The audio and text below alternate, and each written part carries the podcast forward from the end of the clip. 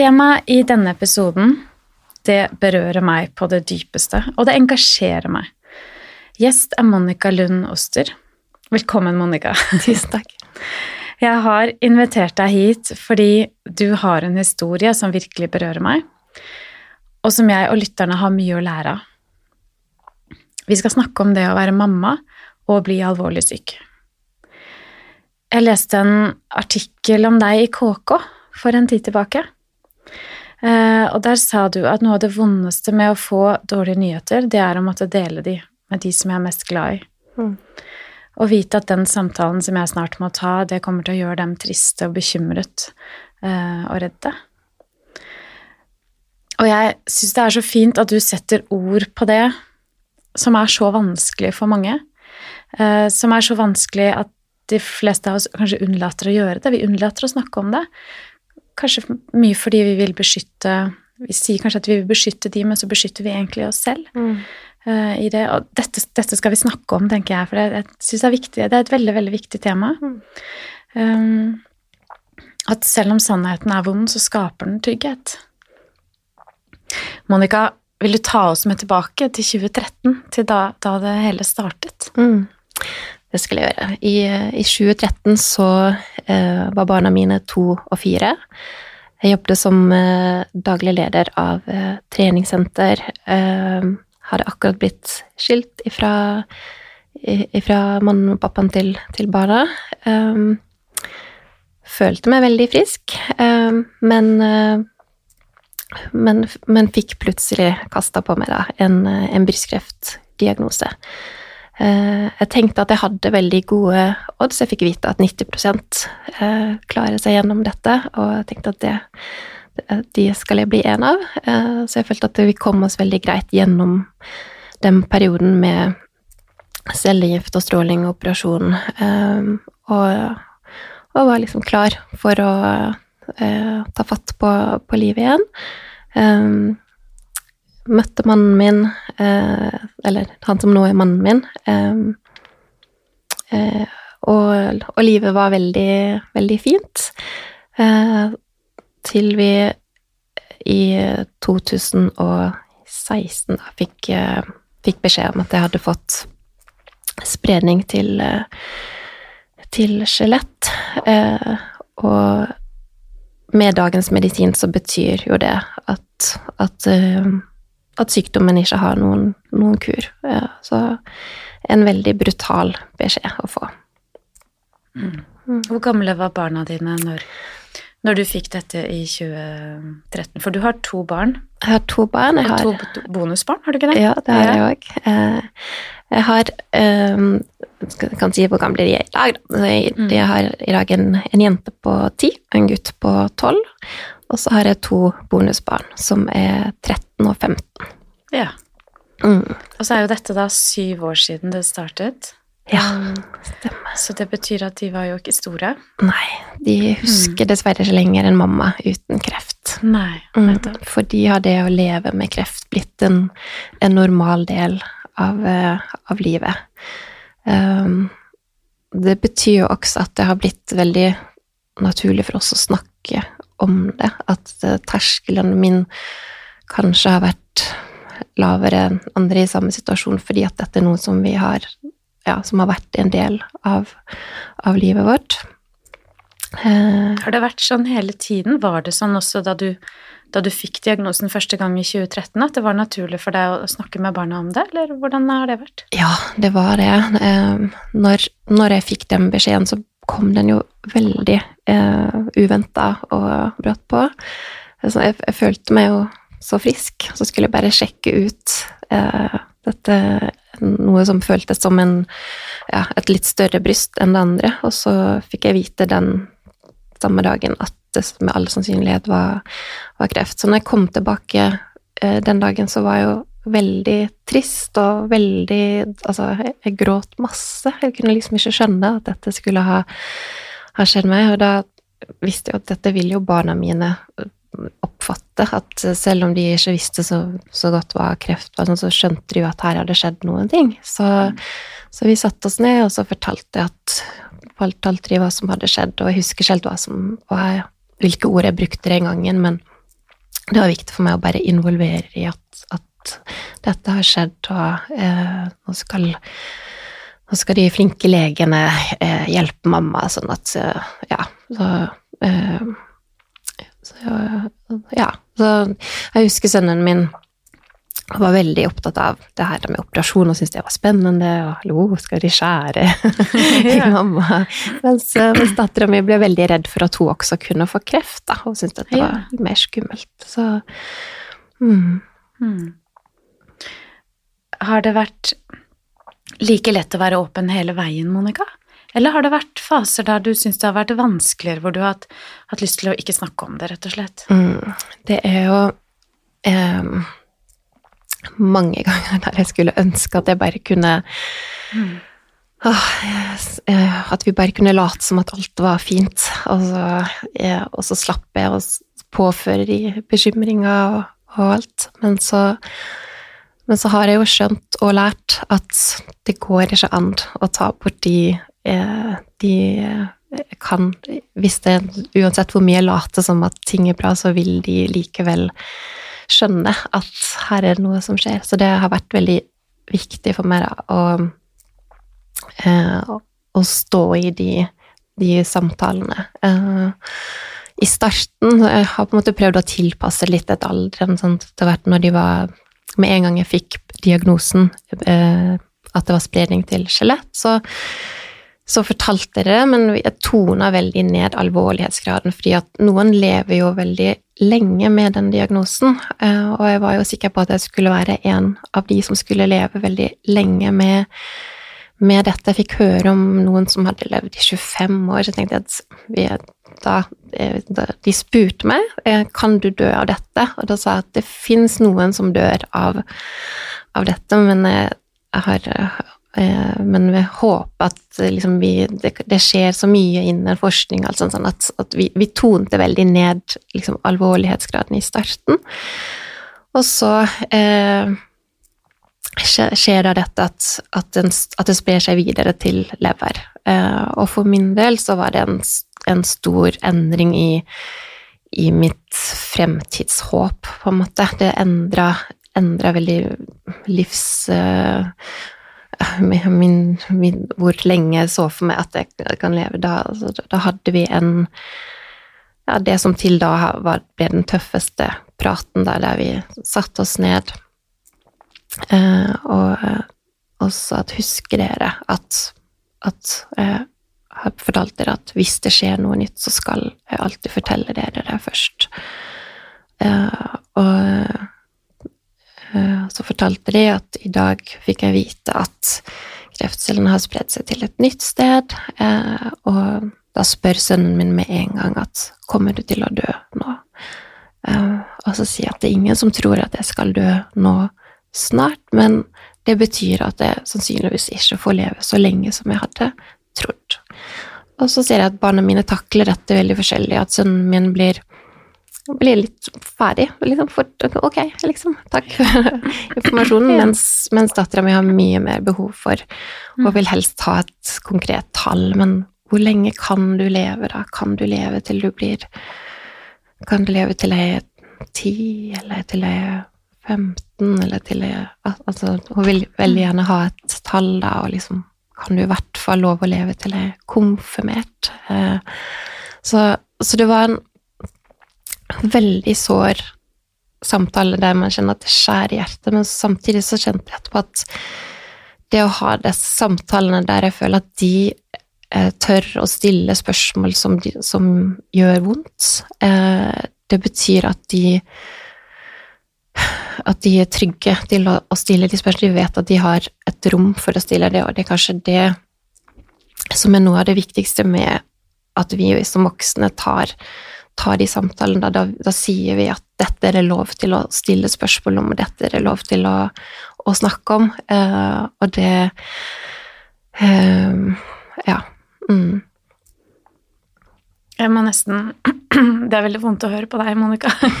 Eller ikke vondt å høre på deg, du har en veldig god stemme, men, men det, gjør, det, gjør, vondt å høre på dette. Mm. Um, fordi jeg kjenner at det er jo en sånn Det er jo en redsel. Selv er jo mamma, og det er jo noe vi alle er så redde for. Mm. Og man er både redd for å bli borte for barna sine, men så er, man også, er det også den dimensjonen med at, at de får så vondt av dette. Mm. Um, og så blir jeg veldig imponert over på en måte motet ditt i å gå inn i det og faktisk åpne opp og snakke med dem om det. Mm. Um, fordi det, det krever mot, tenker jeg. det, det er jo ufattelig vondt. Liksom, hvis det virkelig går inn og tenker på hvor, hvor vondt det er, så er det jo sånn at man nesten ikke orker å, Mm. å, å leve. Liksom, man klarer, kanskje noe av det som gjør mest vondt, er tanken på at de skal være der uten meg, og så skal ikke jeg kunne være der og trøste dem. At, ikke, Mm. at de skal gå gjennom eh, noe så vondt, og så skal man ikke få være der for dem. Dattera mi sa en gang, så sa at eh, eh, mamma, når vi begravde bestemor, så var det jo du som hjalp meg med å skrive den talen som jeg ville liksom, hjelpe meg å skrive den ord, men når du dør, så vil jeg jo være helt alene. og det, det bare gjør så ufattelig vondt, og samtidig, liksom, hver gang hun kommer med de små tingene som jeg har tenkt gjennom, så betyr det så mye at vi kan stå sammen i det vonde, da, og bare erkjenne at det er faktisk ganske mange ting vi ikke kan kan fikse. Jeg kan ikke fikse dette for dem, men jeg håper at ved at, jeg, ved at vi står sammen i det vonde, så håper jeg at jeg liksom kan hjelpe dem i gang med en prosess som skal gjøre det litt lettere for dem eh, etterpå, kanskje. Eh, og at de Jeg håper at dette på en eller annen måte kan gi, gi dem en, en, altså en, en lekse i livet som gjør at de kanskje fremstår at, at de får med seg en robusthet, at de får med seg en livserfaring som gir dem en, en verdi også. Mm, Det tror jeg du skal være ganske trygg på, Monica. At det gjør. mm, Og det at de våger å, eh, å si det, mm, og løfte det opp, gjør gir også deg en mulighet til å gi dem noen svar, kanskje. mm, tenker Når vi våger å snakke med barna om det som er vanskelig, så kan vi jo faktisk Det gir oss jo den åpningen for å trøste de i det og hjelpe de i det. mm. Eh, Men hvis vi stenger for det, så blir de jo gående med det alene. Det er akkurat det. Og så er det ikke alle spørsmål som har svar, men at det har vi funnet at det kan være veldig fint å bare få lov til å undre seg sammen, da. Hva skjer hvis når eh, Hva skjer med bestemor når hun har, har liksom Nei, hva tror, hva tror du skjer, liksom? Og så kan det være alt ifra tårer og trist, liksom, og at man har lyst til å reise opp til bestemor og være sammen med henne, til at vi kan se for oss at hun sitter på en sky av sukkerspinn og strikker genser av sukkerspinn. Mm. Liksom. Så det, det, det kan være både sårt og fint da, med den forestillingen. Mm. Du har skrevet en bok om dette, Monica, Mm. eh, som jeg har lest, og som er veldig, veldig fin. Eh, Som, veld, som vi bruker i skolehelsetjenesten. Ja, det gjør meg veldig glad å høre at den kan komme til nytte. Ja, det Mm. gjør den virkelig. Den heter 'Når livet blir trist'. Mm. Vil du fortelle litt om boken din? Ja. Hvordan ble den til, og Mm. hvorfor har du skrevet denne boken? Mm, jeg kan eh, Altså Det starter jo med at at jeg følte at det å få denne diagnosen var veldig ensomt. Um, når jeg gikk gjennom den første behandlingen, så brukte vi masse en bok som het «Skjemokasper». Eh, og det å bare ha en bok som barna kunne hente når de ville snakke, og, liksom bare, og sitte og bla i sammen De hadde med den boken i barnehagen, og liksom, de brukte den boka masse. Så noe av det første jeg spurte om når jeg fikk diagnosen, var fins det noen bøker om dette. Og det gjorde det ikke. Eh, og så kjente jeg at det savner jeg. Eh, og så hadde vi hadde vi denne praten eh, som jeg nettopp refererte til der, etter at jeg fikk spredning til, eh, til lever, som jeg kjente at denne praten var sår, men den var også, den var også veldig fin. Og bare noen dager etterpå så dør veldig plutselig bestemora deres. Og gjennom alle de spørsmål liksom det, det vi, Jeg kjente at vi fikk tatt opp så mange temaer da i forbindelse med hennes dødsfall at ting som var godt for meg å snakke om, og som jeg tenkte at dette tror jeg mange andre barn også kanskje lurer på, og som eh, kanskje kan det være fint for de å vite at det sitter andre barn med de samme tankene. Um, så jeg satte meg ned og begynte å skrive, Uh, og så har jeg en veldig klok og god venninne som heter Siri Abrahamsen, som har skrevet noen fantastiske bøker som vi har brukt mye om gleding og feiling og eh, følelsesuniverset.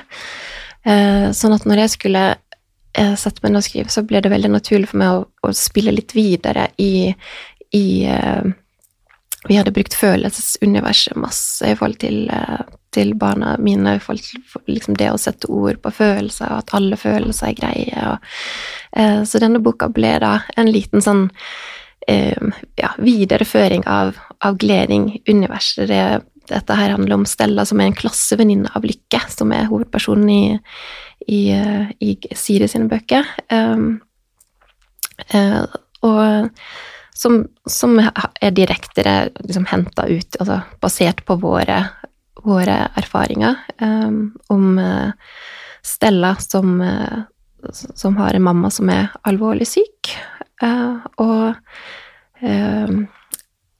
så er det da denne vennen til Stella som, som mister bestemoren sin, sin, sånn at vi fikk fletta de historiene litt, litt sammen. Um, og for meg så har det vært fantastisk å få lov til å gi. Det har faktisk vært veldig fantastisk for, for barna mine også. De er veldig stolte av at, at, vår historie kanskje kan være med å hjelpe andre til å føle seg litt mindre alene i en, ja, når, mm. i en vanskelig livssituasjon. Da. At de, at de kan være med å, å hjelpe til at, at uh, andre kan, kan, få det bedre. Og ja. Mm. Mm. Siri Abrahamsen har også vært gjest her i podkasten mm. min for ja. noen episoder siden. Mm. ja, og da snakket vi om den boken hennes 'Foreldre for livet'. Mm. Og så har du, du fortalte meg nå du har, du har bidratt litt inn i den boken også, det ene kapitlet der som heter også 'Når livet blir trist'. Ja, der har jeg mm. fått lov å, å bidra litt med mine ja. erfaringer om, eh, om det å, å, leve med alvorlig sykdom. Mm. Og Mm. Og i tillegg så, så, bidrar du på enda en bok som kommer ut nå i november. Riktig. Eh, mm. som gis ut eh, gjennom Kreftkompasset. Ja. Den mm. heter 'Hver dag teller', heter den, og ja. handler om åtte, åtte ulike historier mm. om, eh, kreft. Mm. Jeg tenker du har bidratt med veldig, veldig viktige eh, verktøy. Eh, både for eh, de som jobber med barn som pårørende, men også for familiene rundt, mm. Eh, som trenger akkurat det som du sa du trengte. En bok, en måte å gjøre det på. Mm. Og en fin måte å gjøre det på, tenker jeg, er å lese den boken sammen. Det, det mm. jeg tror jeg også. Jeg tror også at, at, det er en bok som egentlig alle kan lese. Ikke mm. bare de som er ramma av, av kreft, men den gir et lite innblikk i hvordan det er å leve med med alvorlig sykdom.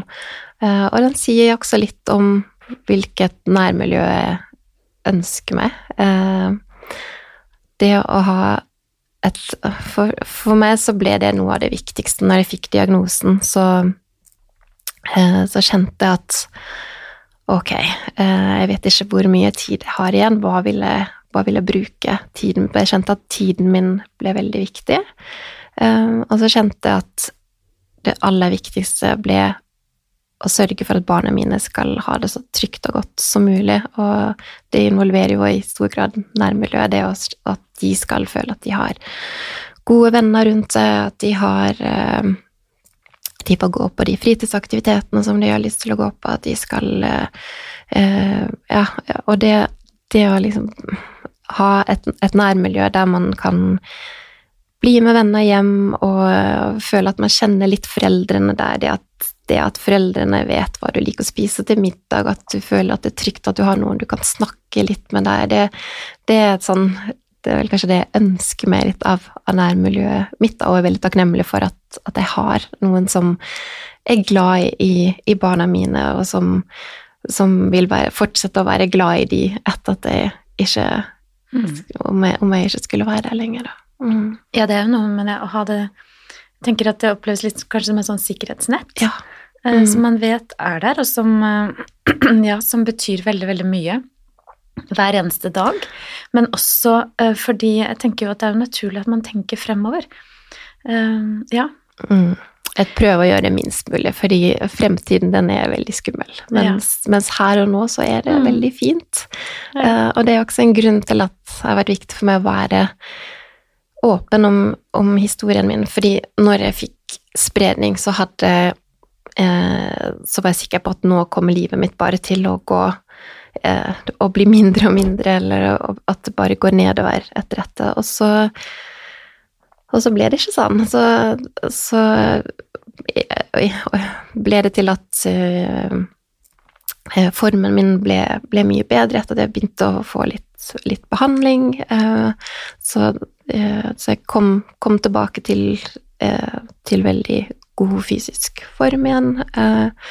meg og mannen min vi fikk et fantastisk bryllup.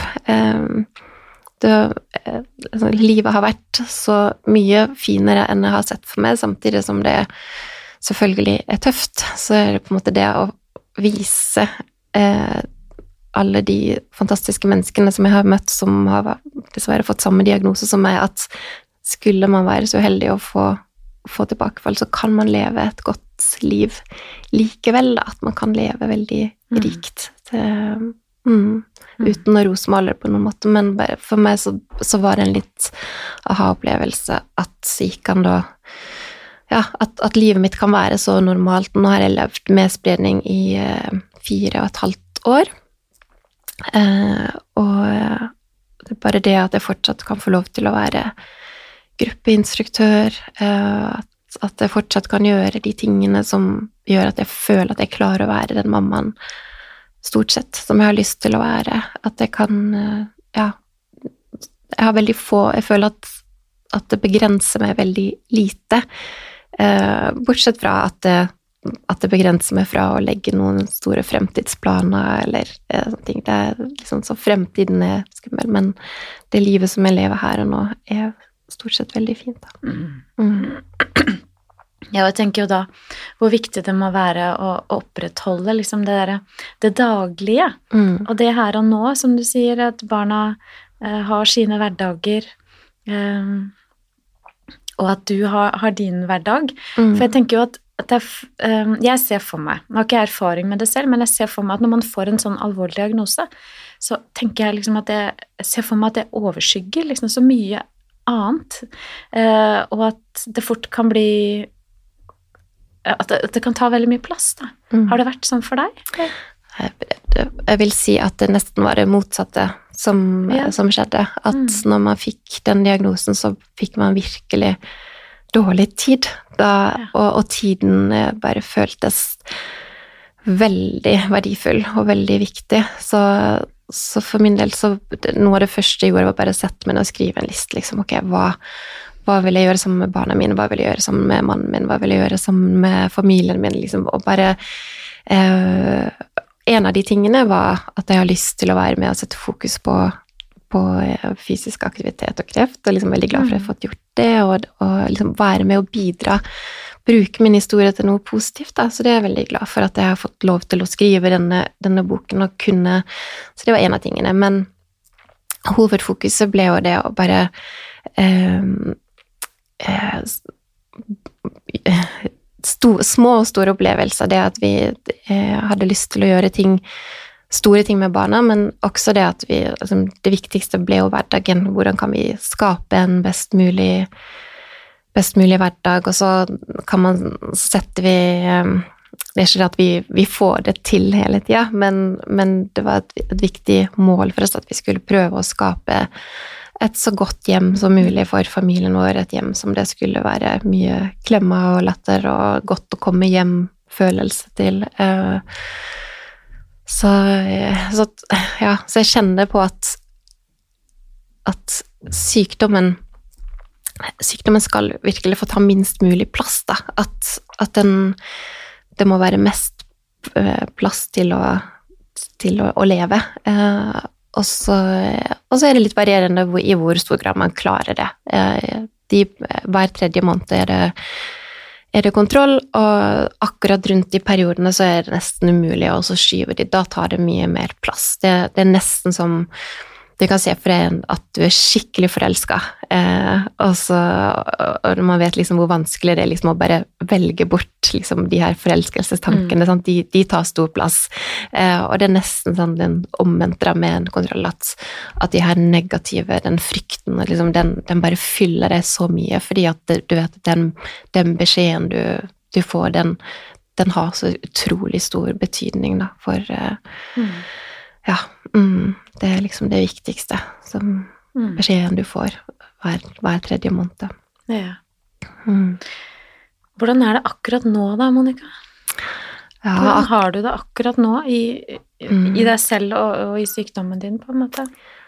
akkurat nå så, så er, er sykdommen i en periode der, der det skaper mye frykt og bekymring. Det, det stormer ganske godt på, på innsiden, og det har det gjort siden eh, når jeg var på kontroll sist, så fikk jeg vite at etter en lang periode med stabilitet, så, så har det vekst i, i enkelte deler av, av kroppen, mens det er stabilt i andre. Så da, da blir det en, har det vært en venteperiode nå på, på eh, seks uker, og har uker, et par uker igjen før jeg da får, får vite om, om det har endra seg noe, eller om, om det betyr at jeg må skifte til en annen medisin. Og det, det er skummelt, fordi da, nå ser man at nå har jeg vært gjennom en ganske stor del av den verktøykassa som legen sa han, han hadde, um, for å holde dette i sjakk, og jeg ser liksom at, at det minker veldig på de, på de verktøyene, da. Mm, så, så jeg kjenner at det er en, en ekstra eh, dimensjon på en måte ved, ved denne kontrollen som nærmer seg nå, da. Mm.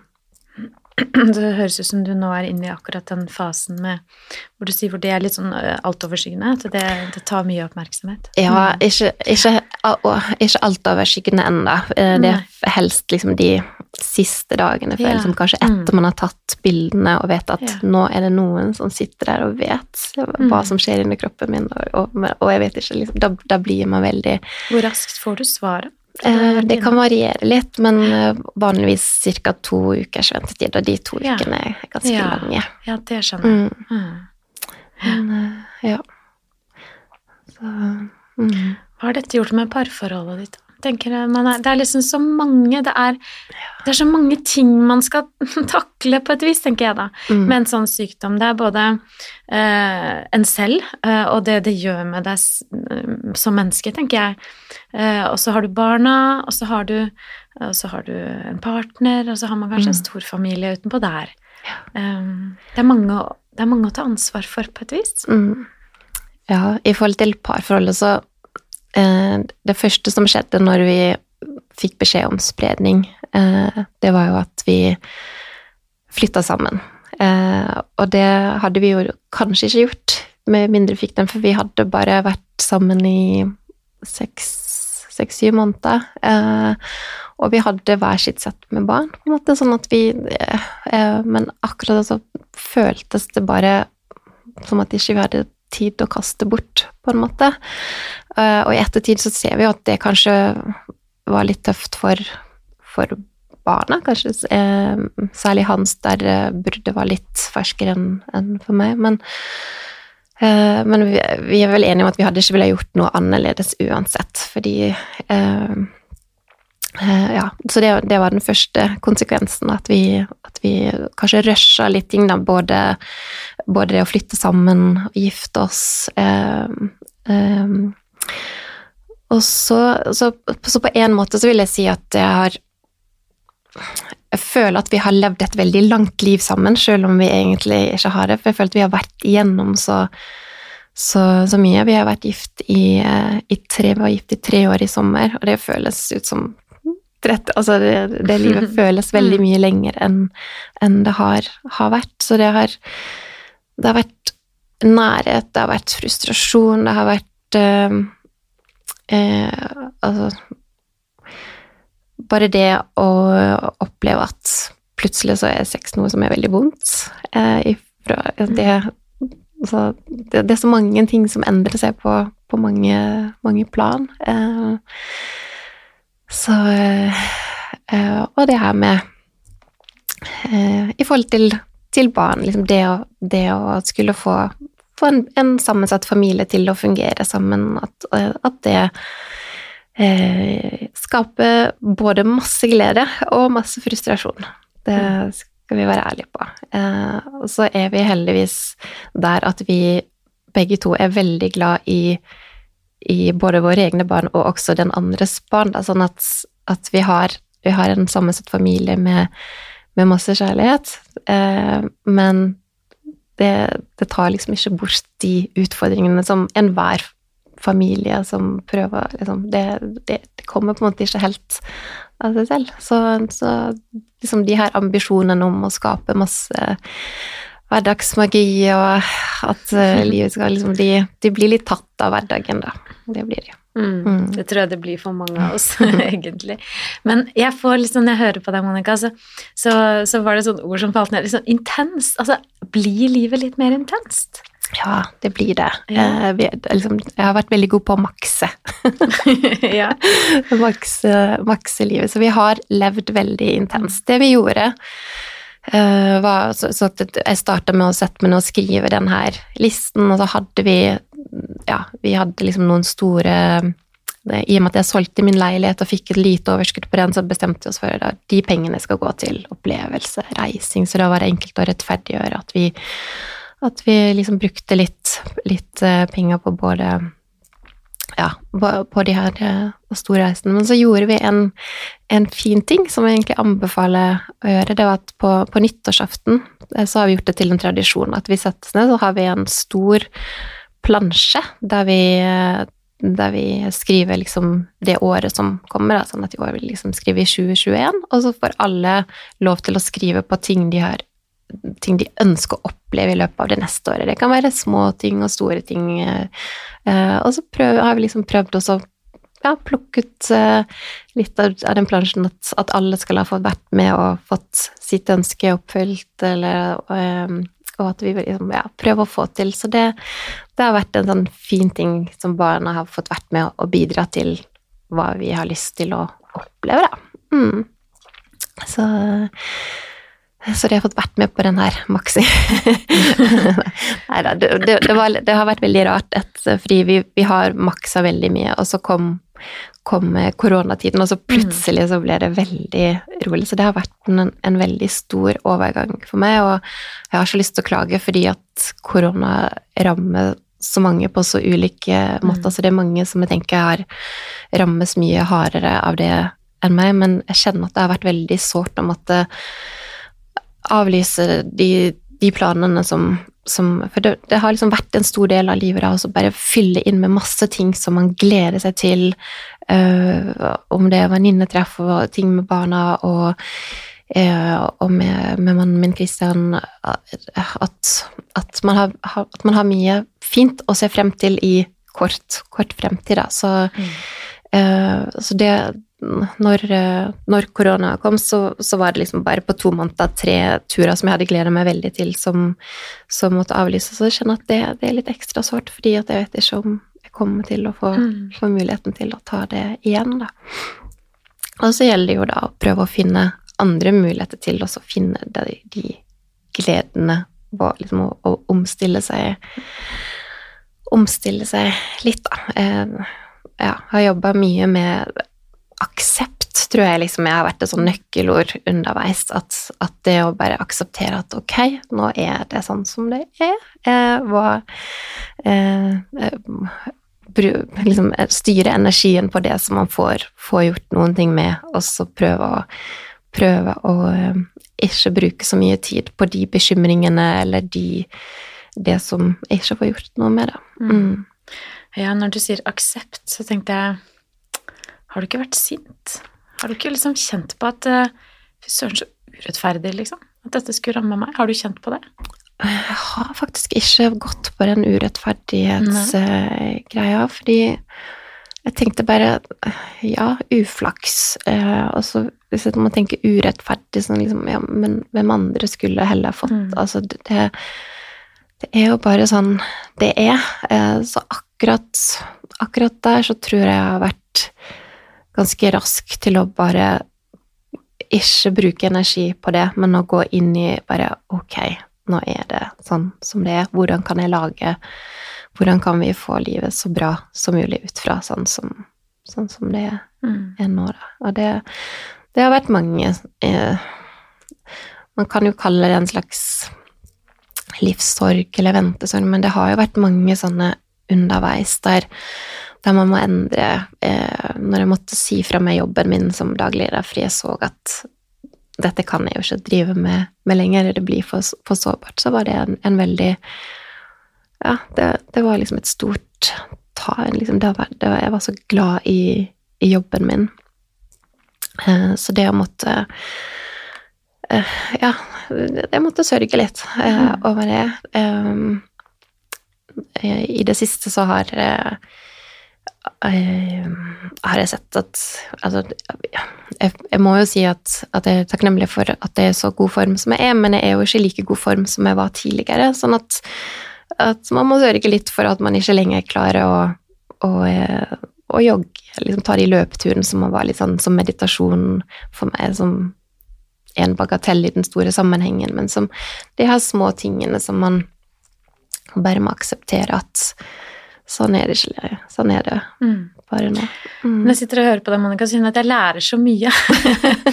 blir så, det blir nesten vanskelig å liksom fortsette, for jeg, jeg, får så mange tanker selv. Og når du sier det med aksept, så tenker jeg at ah, det er jo det vi alle egentlig kanskje strever litt med, mm. uh, og som er utrolig viktig. Det å rett og slett akseptere livet sånn det faktisk er. Um, og alle har, alle har, på en måte noe som de kanskje må akseptere mm. uh, i sitt liv. Og vi har veldig mye å lære, veldig mye å lære av deg, Monica. Um, det er jo noen ting, tenker jeg, som selv om, eh, ikke, selv om ingen ønsker seg kreft, så er det jo ikke til å komme bort fra at det, det gjør jo at man endrer litt man endrer litt fokus mm. eh, når man får en sånn, sånn diagnose. Ting, det blir plutselig veldig tydelig hva som er viktig. Eh, eh, det, det, gjør det, sånn at det blir, det blir lettere å, å styre hva, hva vil jeg bruke tiden min på, hva vil jeg ikke mm. bruke tiden min, min, på, når den, man føler at den er begrensa, mm. Eh, så Det tenker jeg vi alle egentlig kunne ha ha nytte av, da. Mm. Og, og, forsøke å tenke litt sånn. Ja, for mm. man har jo aldri Vi har jo veldig lett for å tenke at, at vi har ubegrensa med tid. Ja, mm. mm. vi har jo ikke det. Nei. Nei. Og ingen kjenner jo morgendagen. Så, så det, det tenker jeg kan være viktig for alle å ha med seg. Mm. Mm. Hva um, vil, du trekke fram noe som har vært sånn spesielt viktig for deg eller for dere som familie i denne tiden? For meg har det i hvert fall vært veldig viktig å bare skape gode minner, og bare liksom tenke på hvordan jeg vil bli huska på, en hva vil jeg at de skal huske. Det har vært veldig viktig, og det er jo en av grunnene til at vi har prøvd å ta noen øh, noen litt store, hyggelige reiser sammen, sånn at, at det skal ja, at, at, det skal være gode minner, men, men også liksom hvilke tradisjoner vi har, og hvilken uh, stemning vi har At, at um, i de periodene jeg har vært mer sliten og kanskje ikke helt klar å være den mammaen som jeg har lyst til å være, der, der jeg kanskje blir litt for brå, litt for kort og um, sur, så, så, kan jeg bli skikkelig redd. Så kan jeg tenke bare herlighet, er det denne mammaen de skal huske? Uh, og det Heldigvis så, eh, så føler jeg at de periodene da har gått av. Men jeg skal innrømme at det var liksom, kanskje den første uka i koronatiden med å liksom snu til at man plutselig skulle være lærer for, eh, for både Ja, for, for to stykker, og man skulle eh, omstille seg. Så da husker jeg at jeg tenkte akkurat det. liksom, Herlighet, er det dette de kommer til å huske nå? Eh, det er vel også en fare at man da blir så streng med seg selv, kanskje. Ja. Tenker at nå skal, vi, nå skal, vi, bare ha gode stunder. Mm. Eh, men det går jo ikke. Nei da, det, det, gjør ikke det. Um, det gjør ikke det. Men det, det, det, har du rett i, at man uh, Ja, en annen felle for min egen del er kanskje at fordi at jeg ikke kan fikse den her store tingen, så kan jeg kanskje få en tendens til at jeg vil fikse alt annet. Mm. så jeg kan bli litt sånn uh, fikser det. Det må jeg jobbe med. At må, de må få lov til å, å fikse sine egne liksom, jeg, jeg, kan ikke være den her som skal gå rundt og feie, feie for det, selv om jeg har lyst til å mm. bare ta bort alle andre, alle andre bekymringer. Så må de ha ha sine bekymringer som, som alle andre. Mm.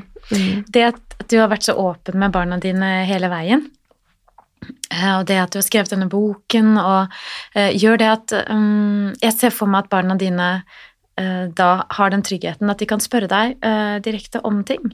Mm. Sånn, har dere, Opplever du at de gjør det? Er de opptatt av det? Hvordan går det nå, mamma? Hvordan føler du deg i dag? er de opptatt av de tingene? De er nok mest opptatt av at, at de går nok og tenker veldig mye på, eh, på dette med, med døden. Eh, og, og det, det, som har vært viktig for meg, da, er å, å bare kunne ta imot, eh, selv om selv om de spørsmålene liksom, sånn, Når jeg hadde den samtalen med barna mine, så var det jeg som hadde kontrollen. Jeg styrte, vi satte oss ned i sofaen, det var stille og, og fint rundt oss. Liksom, jeg hadde måte valgt et godt tidspunkt. Mens når de stiller spørsmål, så kan de jo komme mm. når som helst og hvor som helst. Liksom. Så det har bare vært viktig for meg å prøve å, å, å alltid koble meg på da, og liksom å ta imot. Jeg tenker at det er viktig når de når de kommer med, med spørsmålene sine, og får lov til å å, å, ja, å få et ekte svar. Så det kan, kan komme i alle i, i, alle slags settinger. Fra, fra, at hvis vi har gjort noe hyggelig sammen og de er veldig glad, så kan,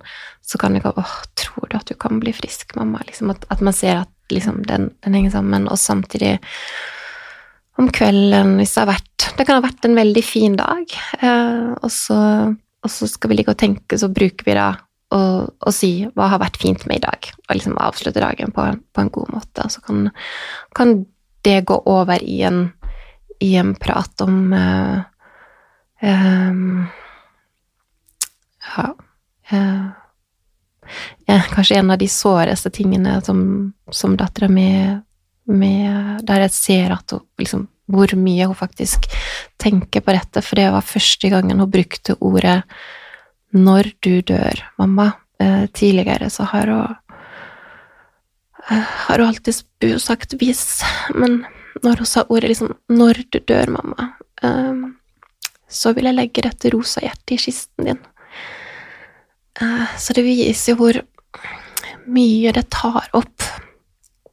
Og noen ganger så kan jeg da tenke uff, har jeg liksom har jeg gjort helt feil med å involvere de i Skape så mye bekymring. Liksom burde jeg bare latt være og sagt noen ting. Men så tenker jeg jo i neste sekund at jeg kunne jo ikke det. Jeg kunne jo ikke latt være. Det ville jo ikke vært bedre for de om om jeg later som at, at, ting var bra, og så uh, men, men, jeg kjenner ofte på den, en slags skyldfølelse over uh, Ja, over å påføre de så mye. Mm bekymring, da. Og så er det ikke sånn at vi, at vi snakker om det mye, men jeg, jeg, som regel så har jeg bare tatt opp Jeg kan være åpen med når jeg sier i dag skal jeg på sykehuset, fordi jeg går jo til behandling hver uke, og så er det ok, liksom, det, det er på en måte ikke noe De har vært helt fantastiske på sykehuset til å før korona. La de bli med og, og, bare vise de at sykehuset Der er det noen veldig snille sykepleiere som tar veldig godt vare på meg. De har begge to et veldig godt bilde av, av sykehuset, så det, det, er veldig greit. Um, men uh, ja det, har, det har bare vært det å ja, la de få lov til å komme med de tingene når de Og så har jeg en datter som snakker mye mer enn sønnen min, uh, mens han kan finne andre plattformer, som eksempel å legge ut en, en TikTok-video om at, om at han velger Istedenfor å velge en milliard, eller hva han valgte, så valgte han at mamma skulle bli frisk. Uh, som, som, sier litt om hans, hans fokus uh, der. Og så blir det jo litt annerledes i forhold til bonusbarna.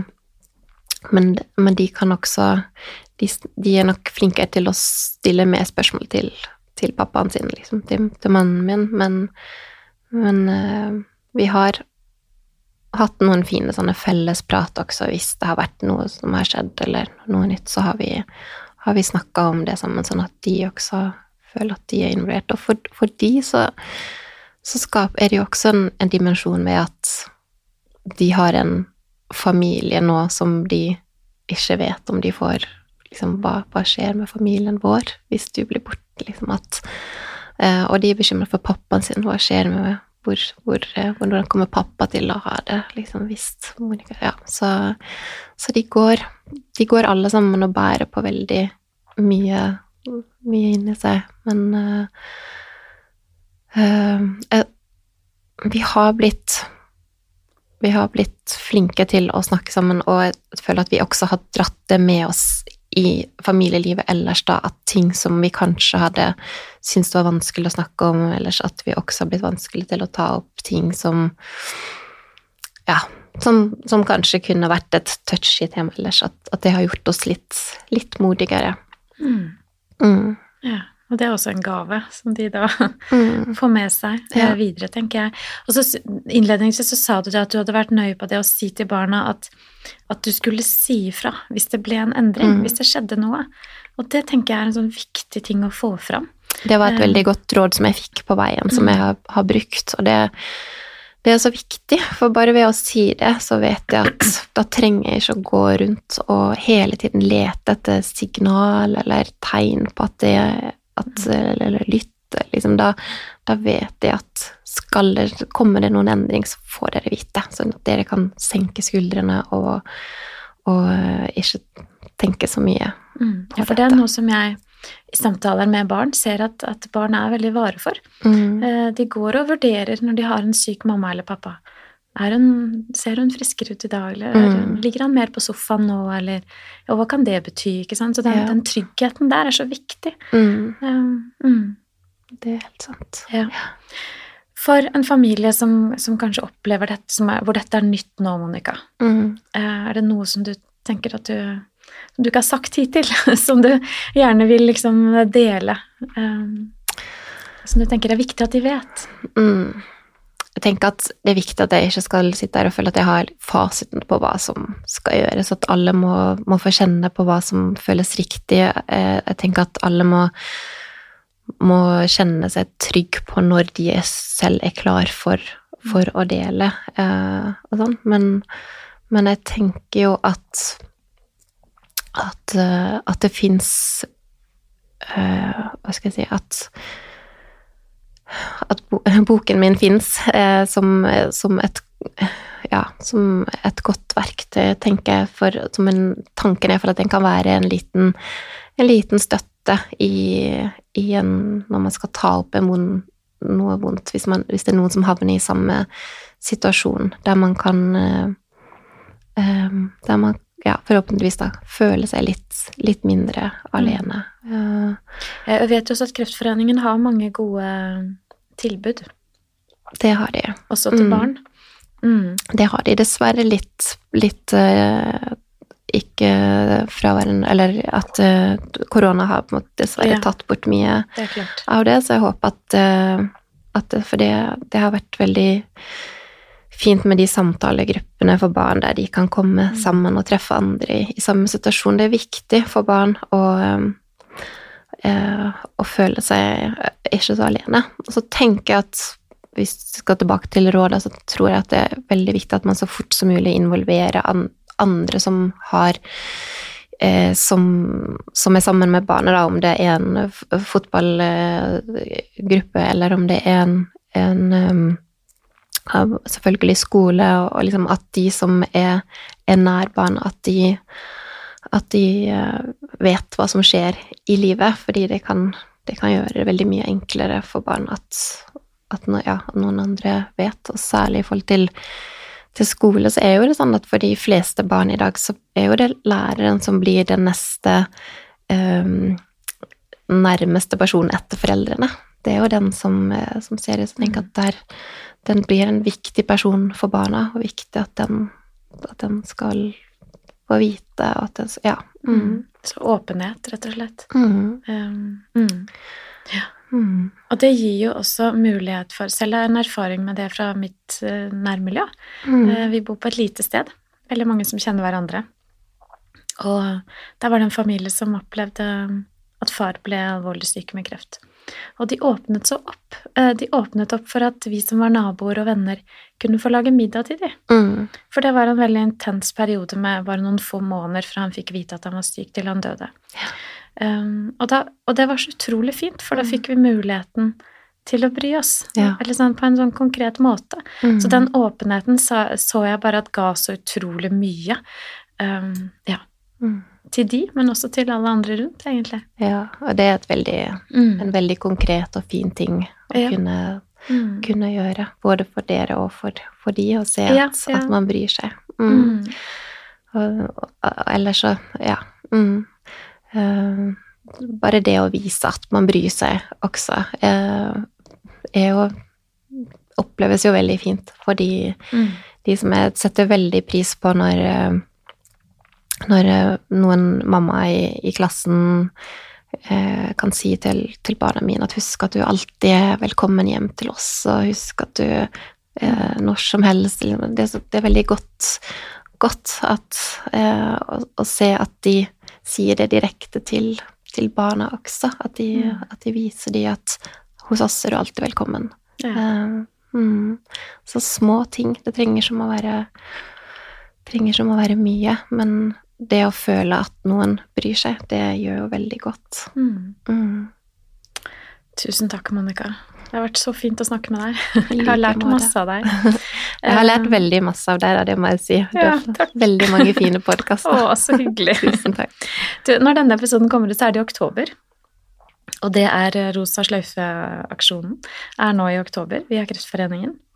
Så, og årets tema så jeg det var altså persontilpasset behandling. At, eh, at um, alle skal ha, få en behandling som sørger for at, eh, at, eh, at de får den behandlingen som de responderer best på. Ja, At det er det som er tema for årets, eh, årets aksjon. Mm, det er Så kjempeviktig. jeg vil bare Mm. oppfordre sant, Fordi til kreft, å kjøpe kreft er så individuelt. Man Ja, kan ikke samle alt i en gruppe og sier si at all, all behandling skal passe. Sånn at kreft er så individuelt. Så det er et Mm. veldig, veldig viktig tema i, Ja.